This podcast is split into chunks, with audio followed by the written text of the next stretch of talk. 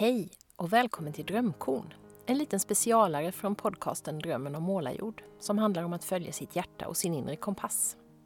Jag heter Maria Estling Wannestål och sedan jag startade podden 2015 har jag spelat in massor av samtal med en rad kloka och intressanta människor. Nu vill jag lyfta de tidigare avsnitten i en annan form. Därför har jag plockat ut några små guldkorn från varje avsnitt. I Drömkorn nummer 11 får du träffa Stefan Torendal Stefan och jag träffades första gången under en lunch med ett småföretagarnätverk som jag varit med och startat. Vi kom att prata om att jag hade åkt på skrivretreat till Älvdalen och gärna skulle göra om det, fast på lite närmare håll. Då berättade han att han driver ett vandrarhem på Öland där det ofta är ganska lugnt i slutet av maj innan säsongen dragit igång. Och nu har jag åkt dit varje vår ett antal år och även någon gång på hösten för att få skriva i gemenskap med andra människor, vänner, bekanta och andra som bara hittat dit. Det har betytt otroligt mycket för mig. Och vi kommer åka dit igen nästa vår. Så håll gärna utkik på Drömmen om Målarjords Facebook-sida om du skulle vara sugen på att följa med. I vårt samtal berättar Stefan om hur det gick till när han blev vandrarhemsägare. Efter att det här sommar, vi köpte sommarhus då kom ett gammalt pensionat till salu då som är ganska nedgånget. Och då såg jag lite, ja det fanns en potential där. Och eh, jag tänkte, ja, vi lägger väl ett bud i alla fall. Och som var ja, ganska mycket lägre än vad de ville ha men jag fick det för det priset. Så då var det inte så mycket annat än att kavla upp ärmarna och sätta igång. så att, Ibland så kanske man, man får, får inte tänka för mycket utan ja, det blir nog bra till slut. Ja. Ja, visst är eftertänksamhet en dygd i många sammanhang. Men jag tror precis som Stefan att ibland också kan vara bra att bara gå på magkänslan och kasta sig ut i det okända utan att grubbla allt för mycket. Ofta blir det bra, även om det kan kännas väldigt läskigt. Det har jag själv fått erfara många gånger de senaste åren.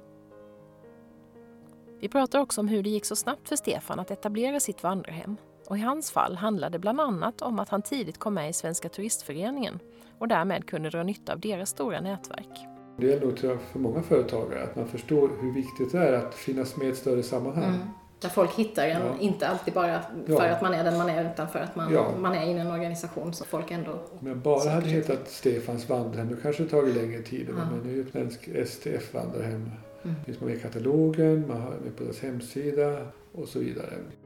Jag tror precis som Stefan att man kan ha stor nytta av att som egenföretagare ingå i olika former av sammanhang och nätverk. Även om det inte behöver vara på det sättet som för Stefan och vandrarhemmet, att man är en del av någon sorts kedja. Här tänker jag exempelvis på Facebookgruppen Ensamföretagare i Växjötrakten som jag och min frisör Kina startade för sex år sedan. Och där vi hjälps åt att stötta, peppa och lära av varandra. Det var ju också där jag och Stefan träffade varandra. Ett annat exempel är föreningen Talare som gör skillnad som växte fram ur just den där företagargruppen. Och där vi nu dels har draghjälp av att vara flera som marknadsför oss tillsammans och dels kan lära en massa av varandra. Det behöver faktiskt inte vara ett dugg ensamt att vara ensamföretagare. Bara man hittar sammanhang att växa i tillsammans med andra. Mitt och Stefans samtal kom också att handla mycket om resor han har varit med om. Inte minst den flera år långa och stundtals ganska äventyrliga resa han gjorde på 80-talet. Bland annat genom Iran och USA. Han beskriver så fint hur det har påverkat honom. Ja, man får också en positiv syn på omvärlden. Ja. För att man har i princip bara stött på goda människor hela ja. tiden. Och idag finns det en rädsla då för människor från andra länder mm. och sådär. Man tänker sig hur de är. Speciellt nu i muslimska länder står det mycket i tidningar om. Och så, det var de tryggaste länderna tycker jag, mm. resa i muslimska länder. Så att, eh, visst finns det några, har man otur så kan man, kan man säkert hitta rötägg i alla mm. länder men det, det, är ofta de här storstäderna där man är lite utsatt mm. och man kanske kommer som turist så man får liksom vara lite försiktig. Men just bara resa och, och random stöta på folk mm. då, då tror jag nästan alltid de flesta är ju goda mm. så att eh, man får en tillit till människan då och så mm.